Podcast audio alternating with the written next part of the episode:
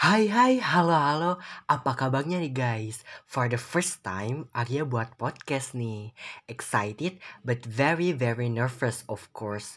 So, welcome to POA, Podcast with Arya. Untuk podcast pertama Arya, Arya bakal bahas satu topik yang udah dibahas sejak lama teman-teman. Namun memang belum selesai sampai detik ini.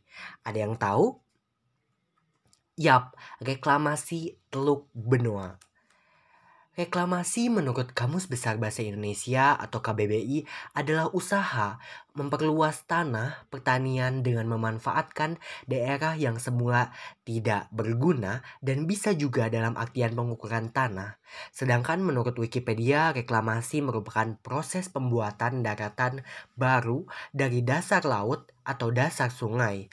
Lalu reklamasi bisa dilakukan di mana aja sih? Reklamasi dapat dilakukan di pantai, teluk, sungai, atau bahkan kolam raksasa bekas tambang. Salah satu reklamasi yang paling sering menjadi perbincangan atau bahasan di kalangan masyarakat adalah reklamasi Teluk Benoa. Teluk Benoa sendiri terletak di Kabupaten Badung, Bali dengan luas area 1243 hektar. Kawasan Teluk Benoa telah ditetapkan sebagai kawasan konservasi maritim oleh Susi Puji Astuti di penghujung masa jabatannya sebagai Menteri Kelautan dan Perikanan. Teluk Benoa pun menjadi kawasan hutan mangrove yang cukup luas teman-teman sebagai benteng Pulau Bali dari abrasi yang dilewati jalan tol Bali Mandara. Beberapa ahli menyampaikan pandangannya. Salah satunya Kepala Dinas Kebudayaan Bali ini teman-teman. Ada Prof. Dr. Iwayan Kun Adnyana menjelaskan bahwa kebudayaan Bali itu berdimensi skala niskala atau sakral dengan menganut paham sakral, semi sakral, dan propan. Hal ini juga menjaga taksu Bali, teman-teman, atau biasa disebut karismanya Bali gitu. Teluk Benoa ini merupakan benar-benar kawasan konservasi. Pemprov Bali melalui Gubernur Iwayan Koster sudah menolak dengan tegas bahwa tidak akan melanjutkan ataupun memberikan izin dan sebagainya. Sama seperti yang dikeluarkan oleh Kementerian Kelautan dan Perikanan Susi Puji Astuti pada masa akhir jabatannya teman-teman. Lalu pasti ada bentuk penolakan-penolakan nih yang disampaikan oleh warga. Benar kan teman-teman? Betul apa betul? Salah satu yang konsisten dalam penolakan proyek reklamasi Teluk Benoa ini adalah For Bali. For Bali sendiri adalah singkatan dari Forum Rakyat Bali Tolak Reklamasi. Banyak sekali upaya yang dilakukan oleh For Bali, seperti memasang baliho, melakukan demo atau unjuk rasa, membuat website resmi, kanal YouTube, dan rajin berdialog dengan para petinggi dan masyarakat demi terciptanya komunikasi yang baik dan penolakan yang konsisten. Teman-teman pasti tahu nih, salah satu tokoh yang memang sudah terkenal di kalangan masyarakat Indonesia. Siapa lagi kalau bukan Jering, anggota grup band Superman is Dead. Ia adalah salah satu anggota yang aktif dalam menyuarakan penolakannya pada reklamasi Teluk Benoa ini. Ia mengatakan bahwa semua omongan para investor dan pengembang adalah bualan kapitalis yang menggunakan kemasan green dengan beralasan menyelamatkan mangrove dan menarik perhatian masyarakat dengan mendatangkan tokoh sepak bola dunia teman-teman yaitu Cristiano Ronaldo untuk menjadi duta mangrove-nya Bali yang datang bersama presiden pada saat itu Susilo Bambang Yudhoyono. Reklamasi ini tentu membawa dampak positif maupun negatif, teman-teman. Ada dampak positifnya nih. Yang pertama, ada tambahan daratan buatan hasil pengurukan pantai sehingga dapat dimanfaatkan untuk bermacam kebutuhan. Yang kedua, daerah yang dilakukan reklamasi menjadi aman terhadap erosi karena konstruksi pengaman sudah disiapkan sekuat mungkin untuk menahan gempuran ombak laut.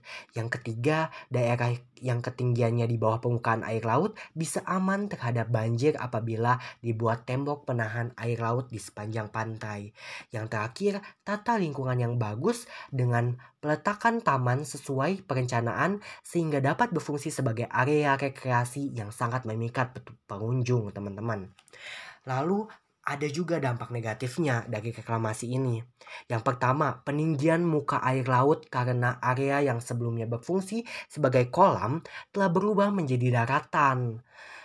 Akibat peninggian muka air laut, maka daerah pantai lainnya rawan tenggelam teman-teman sayangnya.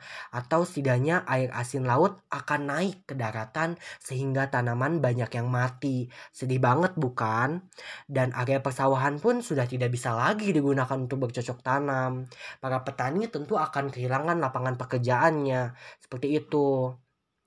Lalu akan musnahnya tempat hidup hewan dan tumbuhan pantai maupun laut sehingga keseimbangan alam menjadi terganggu. Apabila gangguan dilakukan dalam jumlah yang besar, maka dapat mempengaruhi perubahan cuaca serta kerusakan planet bumi secara total. Serem banget kan teman-teman? Lalu yang selanjutnya ada pencemaran laut akibat kegiatan di area reklamasi dapat menyebabkan ikan mati sehingga nelayan kehilangan lapangan pekerjaannya. Lalu ada juga hilangnya fungsi konservasi Teluk Benoa yang tadinya hijau, asri, dan juga kaya akan biota laut akan hilang dan musnah teman-teman. Perusakan terumbu karang pasti tidak akan terelakkan tentunya. Lalu ekosistem mangrove akan menjadi terancam dan abrasi pun di Bali akan menjadi momok yang menakutkan bagi rakyat Bali.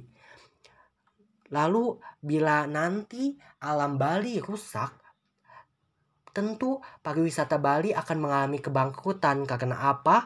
Karena Bali memang pada dasarnya e, bergantung pada konsep pariwisata sebagai salah satu daya tarik wisata ataupun daya tarik dalam bidang ekonomi di Provinsi Bali. Lalu kesimpulannya apa nih teman-teman yang bisa kita ambil dari reklamasi Teluk Benoa ini? Menyikapi semua contoh nyata yang terjadi tentang reklamasi yang lebih banyak membawa kemalangan bagi yang sudah-sudah, kegiatan reklamasi Teluk Benoa ini harus dipikirkan dengan secara matang, sebab data dan fakta telah berbicara di hadapan kita semua. Mereka yang mencintai Bali tentu tidak akan rela bila Bali dirusak oleh para elit yang serakah dan hanya menginginkan keuntungan bagi golongan mereka saja.